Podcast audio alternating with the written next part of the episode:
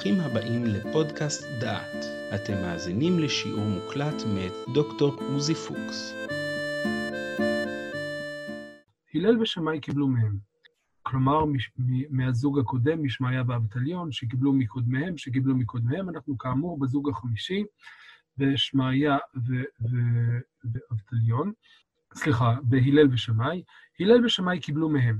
הלל אומר, הווה מתלמידיו של אהרון, אוהב שלום ורודף שלום, אוהב את הבריות ומקרבן לתורה. הוא היה אומר, נגד שמה, אבד שמי, ודלה מוסיף יסף, ודלה יליף כתלה חייו, ודהשתמש בתגה חלף. הוא היה אומר, אם אין אני למי לי, וכשאני לעצמי מה אני, ואם לא עכשיו ומתי. שמאי אומר, עשה תורתך קבע, אמור מעט ועשה הרבה, והווה מקבל את כל האדם בסבר פנים יפות. אני רוצה להתחיל כאן בשני עניינים שהם עניינים טכניים יותר. נקודה אחת היא המבנה המשולש. אנחנו פוגשים כאן את המבנה המשולש בצורה ברורה אצל, אצל שמאי. עשה תורתך קבע, אחד, אמור מעט ועשה הרבה. שתיים, הווה מקבל את כל האדם בסבר פנים יפות. נענה לכללים שלנו בצורה יוצאת מן הכלל. משפט קודם, הוא היה אומר, אם אין אני למי לי, אחד, מספר שתיים, וכשאני לעצמי מה אני, של, ש, שתיים, ושלוש, ואם לא עכשיו ומתי. לעומת זאת, בממרות האחרות זה לא לגמרי עובד. נגד שמה אבד שמי, אחד, ודלה מוסיף יסיף, שתיים, ודלה, ודלה יליף קטלה חייו, שלוש, ודהשתמש בתגה חלף, ארבע. אז זה לא עובד כאן. וגם המשפט שלנו, הווה מתלמידיו של אהרון, השאלה אם לקרוא את זה כאחד מהדברים או לא, נשאיר את זה כרגע בצד, אבל ברור שאוהב שלום זה אחד, או אוהב שלום ורודף שלום זה אחד, אוהב את הבריות ומקרבן לתורה, השאלה כאן איך לחלק את המשפט. זאת אומרת, האם הווה מתלמידיו של אהרון זה דבר אחד, האם אוהב שלום ורודף שלום זה שתיים, אוהב את הבריות ומקרבן לתורה, האם זה שלוש או שלוש וארבע. אז אפשר לפרט את זה כאן בצ- בצורות שונות, ובעיקר יש לזה כאן השלכה, במיוחד פרשנית, לגבי האם אוהב את הבריות ומקרבן לתורה, זה דבר אחד או שני דברים. כלומר, האם מדובר פה על אוהב את הבריות, נקודה סוף פסוק. האדם, כדאי, אומר הלל, שיאהב את הבריות. נקודה שנייה, שיקרב אותם לתורה, שיקרב אותם לדברים טובים, נכונים ומועילים. או שמדובר כאן על אוהב את הבריות ומקרבן לתורה. זאת אומרת, אוהב את הבריות כדי לקרב אותם לתורה, או שזה דבר אחד, איך שלא נגדיר את, ה, את הנקודה הזאת. זאת השאלה שעומדת כאן לדיון, אבל מכל מקום אנחנו גם צריכים לזכור, וכבר התחבטנו בזה בעבר, התבנית המשולשת נמצאת, היא קיימת, הרבה מאוד בפרק א', היא לא מוחלטת, היא, ולכן אנחנו לא חייבים להכניס את עצמנו לסד הזה של התבנית המשולשת, כשהדבר הזה לא, לא עובד ו- ו- ולא מועיל. זו נקודה אחת, צורנית. נקודה שנייה היא נקודה שעד עכשיו בכל הפרק, בכל 11 המשניות הקודמות שפגשנו, ראינו שכל חכם קיבל מימרה אחת. אנשי הכנסת הגדולה אמרו דבר אחד, שמעון הצדיק אמר דבר אחד, אנטיגנוס איש סוחו אמר דבר אחד. ואז הזוגות, יוסי בן יועסר אמר דבר אחד, ויוסי בן יוחנן אמר דבר אחד, כן? משפט אחד, כלומר, הוא קיבל משנה אחת. ואילו כאן, יש כאן איזושהי פריבילגיה שהלל מקבל. הלל קיבל כאן שלוש משניות, או שלושה משפטים, הווה מתלמידיו של אהרון, נגד שמה, ואם אין אני למי לי. ואילו כאן, שמאי גם כן מקבל באופן רגיל אחד. זאת אומרת, יש כאן, סליחה על הביטוי, העדפה, לא לא יודע אם מתקנת או לא, אבל איזושהי העדפה לתורתו או למימרתו של הלל. יכול להיות שהסיבה היא סיבה טכנית. זאת אומרת, לכל אחד מן החכמים היה להם פתגם אחד שהיה צבוע בשמם, שהיה טבוע בתורתם, ואילו להלל לזה כן היו שלושה כאלה, אבל זה נראה קצת דחוק, זה נראה, נראה קצת uh, שחכמים גדולים, כל מה שלשמאי היה להגיד את הדבר הזה, ואילו להלל היו הרבה פתגמים להגיד, זה נראה קצת דחוק. בהחלט יכול להיות שמסיבה כזאת או אחרת, נדבר על זה בהמשך, באחת המשניות הבאות, להלל יש כאן איזשהו מקום מיוחד במסכת אבות. אני גם מקדים את, את המאוחר, שמחר חלק גדול מהשיעור יוקדש למבנה של שני הפרקים הראשונים של, של פרקי אבות, ושם נגלה שסביב הצומת הזאת של הלל ושמאי שקיבלו מהם, מתרחש כאן איזשהו משהו שונה ממה שאנחנו שונה מאשר דברים שראינו עד עכשיו, והם מסמנים כאן באיזושהי צורה את שושלת המסירה, אולי גם בגלל זה להלל, שיש לו מקום מרכזי כצומת של מסירה, יש כאן מקום מרכזי בחלק הזה של המסכת. עד כאן הנקודה הזאת, ואני רוצה לדון כאן במימרה עצמה של הלל.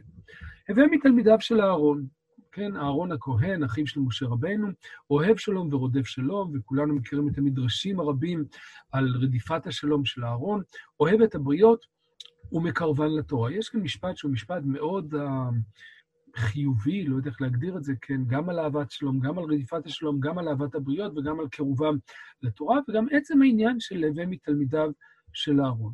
אני רוצה לדון את, את הזמן שנותר לנו סביב ברייתא אחת ארוכה למדי שמופיעה בתוספתא במסכת סנהדרין, וגם בתלמוד הבבלי במסכת הסנהדרין, והיא דנה כאן במידתו של אהרון. אבל היא דנה במידתו של אהרון, כשאפשר לראות כאן את המשפט הזה, כן, אהרון היה עושה שלום בין אדם לחברו, כן, והציווי של הלל, הווה מתלמידיו של אהרון, הופך כאן מדיון שהוא דיון של תהיה נחמד, תאיר פנים לאנשים, תאהב את הבריות וכולי, לאיזושהי אמירה שהיא אמירה שיורדת עד לעניין שהוא עניין הלכתי.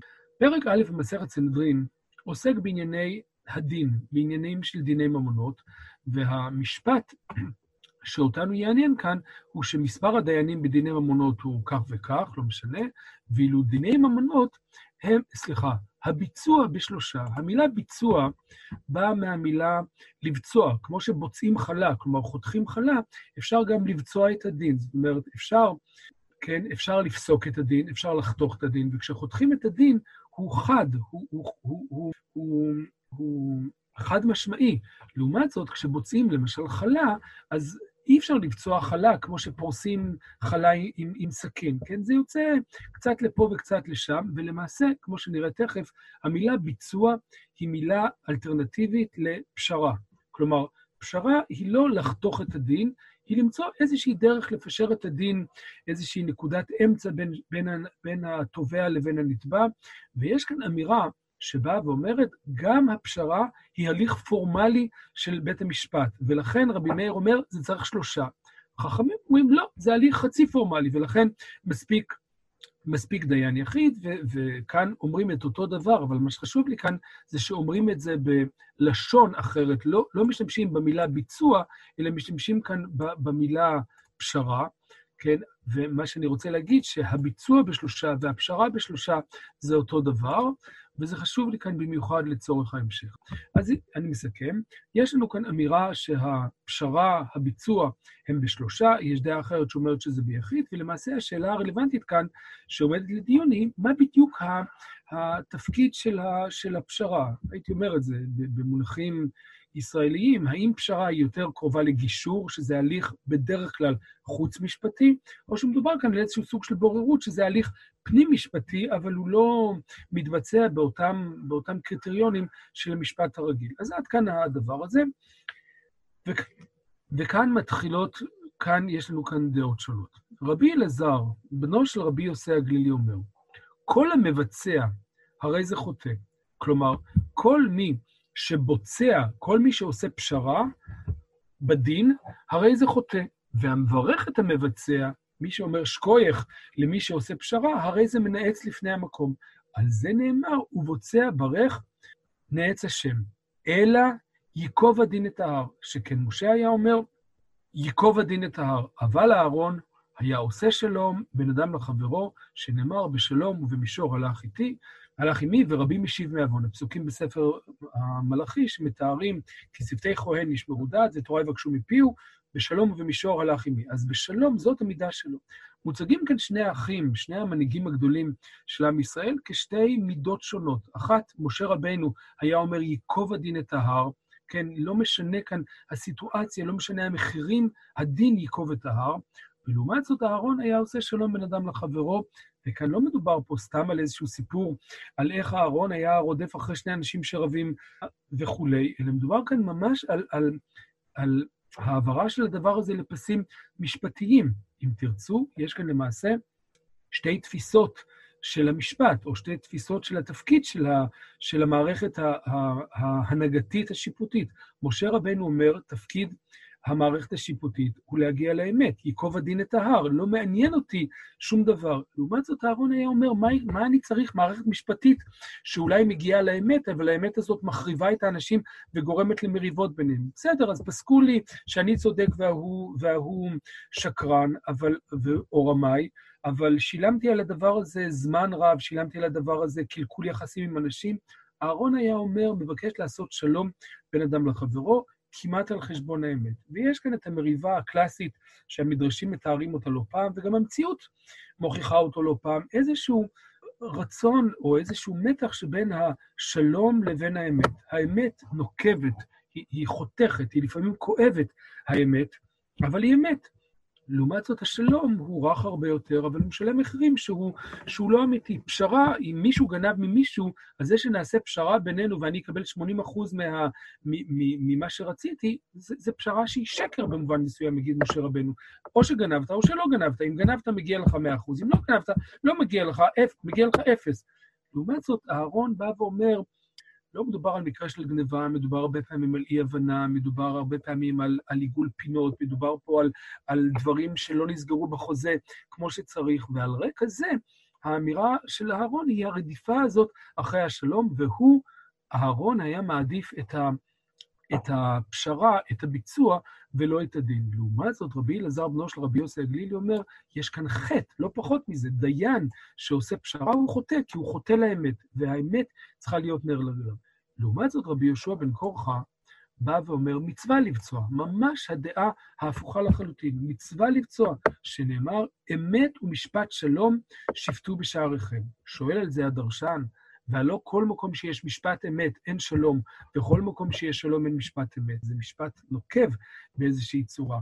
כן, אם יש משפט אמת, אם יורדים לבירור של האמת ומכריזים עליי כמי שרימיתי את השותף שלי, כבר לא יהיה שלום ביני לבין השותף שלי. אנחנו לא נמשיך להיות שותפים באיזושהי צורה, והרווחנו כאן את, את האמת. אבל אנחנו לא מסתפקים רק באמת, אלא מחפשים גם משפט אמת שיש בו גם שלום. מה זה משפט?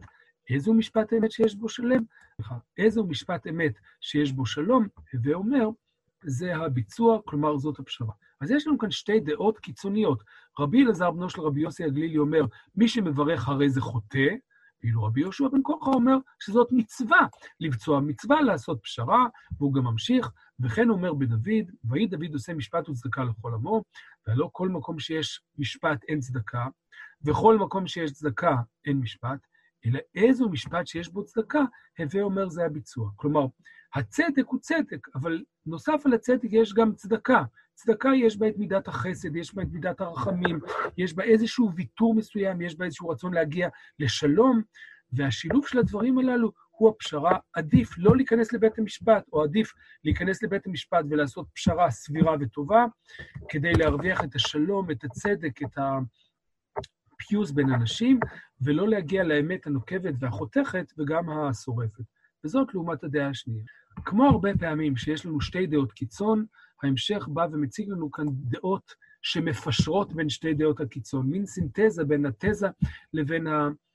לבין האנטיתזה. אני מדלג להלכה ו', הלכות ד' וה' נותנות וריאציות אחרות של, של המשפט והשלום, אני לא יכול להיכנס. להלכה ו' אומר רבי שמעון בן מנסיה, פעמים יבצע אדם פעמים על יבצע אדם. אני לא נכנס כאן לאיזשהו עניין של, של דעות עקרוניות, האם המשפט הוא משפט, ייקוב הדין את ההר, או שצריך ללכת כמו אהרון לאוהב שלום ורודף שלום וללכת לפשרה. אדם צריך, דיין צריך להפעיל את שיקול הדעת שלו, לפעמים לעשות פשרה, לפעמים לא לעשות פשרה. כיצד? שניים שבאו אצל אחד לדון, עד שלא שמע את דבריהם, או מי ששמע את דבריהם ואינו יודע להיכן הדין נוטה, רשאי שיאמר להם, צאו ויצאו. כן? אנשים באים לדיין, אומר, חברים, תעזבו, חבל על הזמן, תלכו, תתפשרו ביניכם, תלכו לזקן השכונתי שיעזור לכם לפתור את, ה, את המריבה שלכם. יכול להיות שהוא שמע את הדברים, אבל לא יודע, הוא עדיין לא עשה דרישות וחקירות והוא לא יודע מה הדין. הוא יכול להגיד להם צאו וצאו, אבל מי ששמע את דבריהם ויודע להיכן הדין נוטה, אינו רשאי שיאמר להם, צאו וביצעו. כלומר, כל עוד שהאמת לא נראית, שאתה לא רואה את האמת, אתה לא יודע שפלוני רמאי והשני השוק, אתה, אתה יכול להגיד להם, צאו ותעשו פשרה, אבל ברגע שאתה יודע את זה, מידת האמת מנצחת. ואז לנטוש את האמת ו- ו- ו- ולעשות פשרה, יש בדבר הזה ממש שקר שהוא שקר בוטה. ואז הוא דורש לזה את הפסוק, כגון דכתיב, פותר מים ראשית מדון, ולפני התגלה הריב, נטוש. ואז הוא דורש את המילה התגלה, כאילו כתוב פה התגלה עם ה' בסוף. עד שלא נתגלה הדין, אתה רשאי לנוטשו. אבל משנתגלה הדין, אין אתה רשאי לנוטשו. כאן זה מדובר על, על, על, על ה, באמת על, על השאלה הזאת, כשאנחנו משלבים את האמת והשלום, אז לבוא ולרמוס את האמת, אני יודע מה האמת ואני רומס אותה ועושה פשרה, זה דבר שהוא דבר בלתי אפשרי לחלוטין, ואילו, ואילו כל עוד שאני לא יודע, מותר לי להעדיף את השלום. כלומר, יש כאן ערכים שהם ערכים מתנגשים, אבל אסור שהם יתנגשו בצורה חזיתית אחד מהשני. אני יכול להעדיף את השלום על פני האמת, אבל מרגע שהאמת ידועה לי, אסור לי לוותר עליה ואסור לי להתפשר לטובת איזשהו שלום מדומה ש, שרומס את, ה, את האמת. הברייתות הזאת, הברייתות האלה כל כך uh, מרשימות משתי סיבות. א', הן לוקחות את הדברים של אהרון, שהיה אוהב שלום ורודף שלום, ולא משאירות את זה כאן ברובד הפתגם של פרקי אבות, ברובד ההמלצה, שאפשר לשים אותה כפוסטר בכניסה לכיתה או בכניסה לאיזשהו מקום, אלא ממש הדבר הזה עובר ונכנס לתוך המערכת המשפטית. המערכת המשפטית עוברת ומונעת על ידי אהבת השלום. לא אמת, אלא שלום. זאת הדעה של, של אהרון, וכאמור היא מנוגדת לדעתו של. הנקודה השנייה שאני רוצה להדגיש, היא שהדבר הזה מציג כאן איזשהי מודל שלא פעם מצוי בדברי חז"ל. לפעמים בחז"ל ובהרבה מקומות אחרים. לפעמים אנחנו נמצאים במתח בין שני ערכים סותרים. כן, אנחנו, אני יודע מה, ניקח את זה בצורה מאוד פשוטה, אחד המתחים שמדינת ישראל מתמודדת איתה זה סביב הצירוף הבלתי אפשרי של יהודית ודמוקרטית, כן? הדמוקרטיה הליברלית, או בצורה פשטנית, סותרת את, ה, את, ה, את יהדותה של המדינה, ויהדות של המדינה סותרת באיזושהי צורה את הדמוקרטיה של המדינה, ויכול, ויהיו כאלה שיבואו ויגידו, ויש דעות בחברה הישראלית שבאות ואומרות, אני, מעניין אותי דמוקרטיה ליברלית, כל אזרחיה וכולי וכולי וכולי, זאת הדמוקרטיה, יהדות, תהיו יהודים בבית. ויהיו דעות אחרות שיבואו ויגידו, יהדותה של המדינה היא הדבר האחד והמרכזי, והדמוקרטיה תשאירו לאנשים אחרים. ויכולה להיות, ויש איזשהו ניסיון שהוא תמיד הרבה יותר מסובך, לבוא וליצור פשרה בין הדברים. והפשרה הזאת לעולם לא משביעה את רצון כולם, אבל היא איזושהי דרך להתמודד עם דברים בתוך העולם. זו דוגמה אחת, אפשר לתת לזה אין ספור דעות אחרות. דעות הקיצון הן דעות הקיצון, והן בהחלט מייצגות ערכים ו- ותפיסות עולם טובות ונכונות, אבל כשהן בקיצוניותן, הן הרבה פעמים הן לא עובדות. או יש דעות שסובבות שהן יעבדו, אבל, אבל, אבל בסופו של דבר, לא פעם יש איזשהו ניסיון ללכת כאן לאיזושהי דרך אמצע, לאיזושהי פשרה, אפילו בסוגיה של פשרה. יש דעה שתגיד, אסור לעשות פשרה, יש דעה שאומרת מצווה לעשות פשרה, ויש דעה שמפשרת בין הדעות ואומרת, לפעמים צריך לעשות כך, ולפעמים צריך לעשות כך. אם אתם זוכרים, לפני כמה שיעורים, כשדיברנו על הדיינים, על שמעון בן שטח ויהודה בן תוואי, הזכרנו את הדברים של הרמב"ם, שאומר שבגלל העיסוק בענייני דין ודיינים, המסכת הזאת, פרקי אבות, נכנסה לתוך, לתוך הסדר נזיקין, אחרי מסכת סנהדרין, וכיוון שכך, הוא בא ו, ובהקדמה שלו מביא את המשל הידוע על, על הרופא, שכמו שהרופא צריך לדעת לא להשתמש באיזשהו דרך אחת, באיזשהו ארס... בדרך אחת של, של ריפוי, אלא לדעת לעשות דברים שונים, כך גם הדיין צריך לפעמים לדעת בכלל לא ל, ל, להשתמש במשפט, אלא לעשות פשרה לפני כן. לפעמים כשהוא נכנס למשפט הוא עושה את הדברים בצורה עדינה, ולפעמים כשהוא לא יכול, הוא צריך להפעיל את כל הסמכות השיפוטית שלו ולדון בתקיפות, לפעמים באלימות, כדי שהאמת, כדי שהפת... עד כאן להיום, בעזרת השם מחר נחזור למימרה השנייה של הלל, ובכלל קצת נדון, אחרי זה נדון קצת במקומו. תודה רבה ויום טוב. שמעתם שיעור מוקלט מתוך קורס על פרקי אבות מאת דוקטור עוזי פוקס. את הקורס המלא ניתן לשמוע באתר דעת במדור פודקאסט.